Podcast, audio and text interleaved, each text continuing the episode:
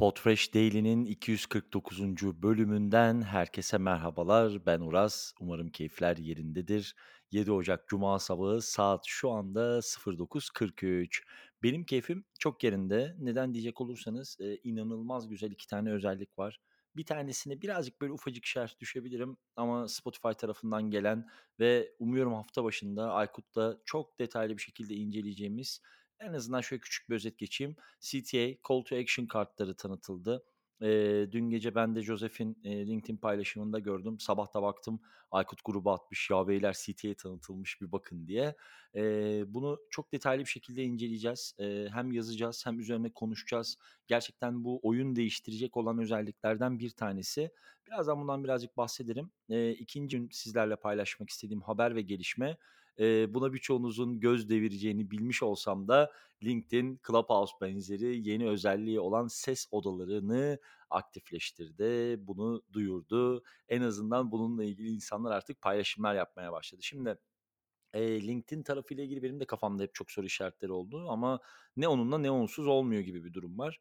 Eee, insanların ve benim de dâhil olmak üzere çok önemli bir iş akışı ve, eee, network bağlantı, yeni insanlarla denk gelebilme, tanışabilme platformu olan ve dünya üzerinde 800 milyondan fazla, eee, profesyonelin, iş insanının, çalışanın, çalışmayı hedefleyen kişinin kullandığı LinkedIn'e böyle bir özelliğin entegre edilecek olması bence oldukça önemli. Ses ekosistemi açısından oldukça önemli.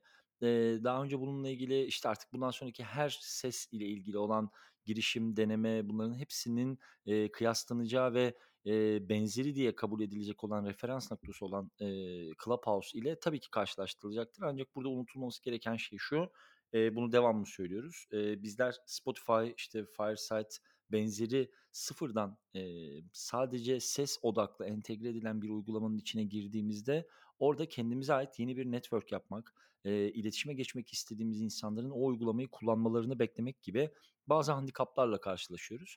Ama LinkedIn benzeri, eee, işte Twitter benzeri, Spaces benzeri zaten ana akım kabul edilen uygulamaların içerisine bunlar entegre edildiği zaman hâlihazırda orada olan network'ümüzle iletişime geçebilme şansımız olacak.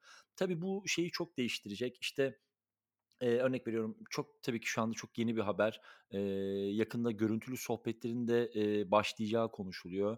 Eee, LinkedIn üzerinde şu anda biliyorsunuz sadece LinkedIn tarafından onaylanan hesaplar canlı yayına çıkıyor. Gerçi sayıları çok arttı ama, eee, zannedersem LinkedIn tarafında artık kendi platformun içerisinde de görüntülü sohbeti ve belki canlı yayını kolaylaştıracak araçların yapılacağı düşünülüyor, konuşuluyor gibi gibi.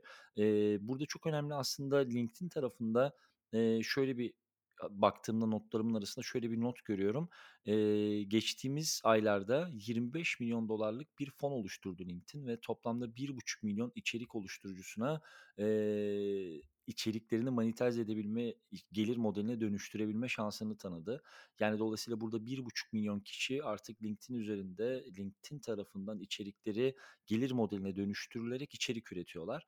Eee, dolayısıyla burada tabii ki önemli bir kırılım olacaktır ama şöyle şeyler de olabilir.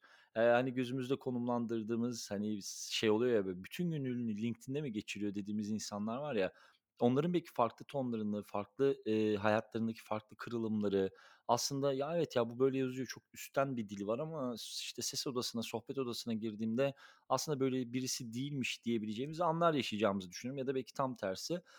Eee, ama sabah şeyin yazışmasında gördüm. Sabah da da dün emin olamadım. Bizim sevgili Damla Pekgöz'ün "Aman tanrım." demiş. O tabii ki artık şeylerden, eee, çok yıldık ya, böyle Clubhouse'da suyu çıkartılan, işte, 20 kariyer tavsiyesi odaları filan, onların tabii ki sonu gelmeyecektir ama ben şey açısından çok mutluyum. Güzel bir haber bence.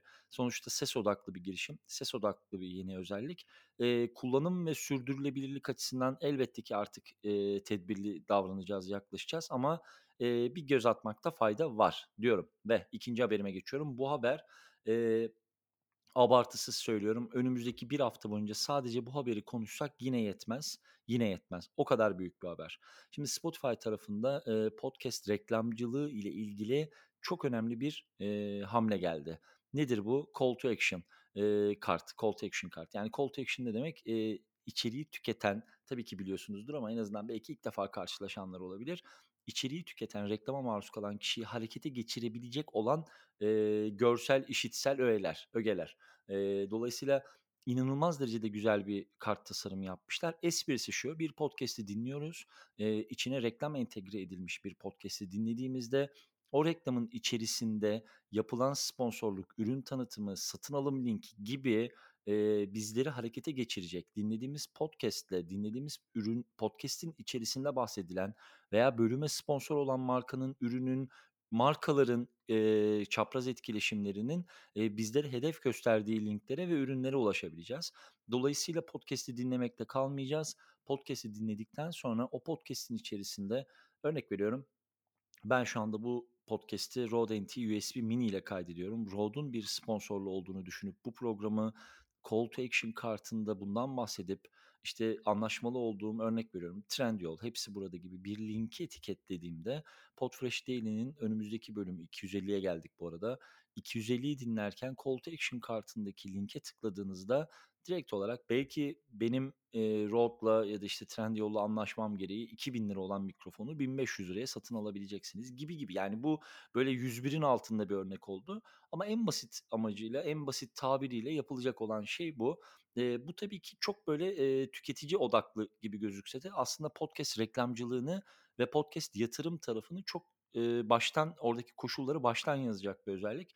Bunun geleceğini çok iyi biliyorduk. Eee, geçtiğimiz, eee, senenin sonlarına doğru duyurmuştuk. Hatta hatırlarsanız podcast tanımlarında artık sponsorlu eee, sponsorlara ayrı bir sekme açıldı demiştik. Eee, dolayısıyla bu da onun devamı. Şimdi bugün 2 tane çok keyifli bununla ilgili link var. Onları da paylaşacağım altında. Sevgili Çağrı paylaşacak büyük ihtimalle. Ben ufaktan derse doğru kaçacağım ama, eee, gerçekten bu konuyu önümüzdeki hafta böyle bayağı gündemimize alacağız. Önümüzdeki hafta hemen hemen her Podfresh Daily'nin içerisinde mutlaka Spotify'ın hem call to action kartları hem de 2022 senesinde podcast reklamcılığına getireceği yeni, eee, olasılıklardan Aykut'la bol bol bahsedeceğiz. Eee, Daily'lerin içinde bahsedeceğiz. Podium ayın 10'unda çıkıyor, unutmayın, eee, ve zannedersem bir 10 dakika içerisinde ya da siz bu podcast'i dinlediğinizde Aposto platformu üzerinde yayınlanan Podfresh Daily'nin bülteni dinleyenlerine ulaşmış olacak. Eğer hâlâ abone olmadıysanız Aposto'nun uygulaması içerisinden aratabilir veya Podfresh Daily'nin açıklama tarafındaki linkin üzerinden abone olabilirsiniz. Her cuma Ayça Han'ın editörlüğünde sizlere ulaşmaya devam ediyor Podfresh Daily bültenimiz diyorum ve haftayı kapatıyorum. Eee, benden bugünlük bu kadar. Eee, pazartesi sabahı Podfresh Daily'nin tamı tamına 250'nci bölümünde tekrar görüşmek üzere. Çok sevgiler.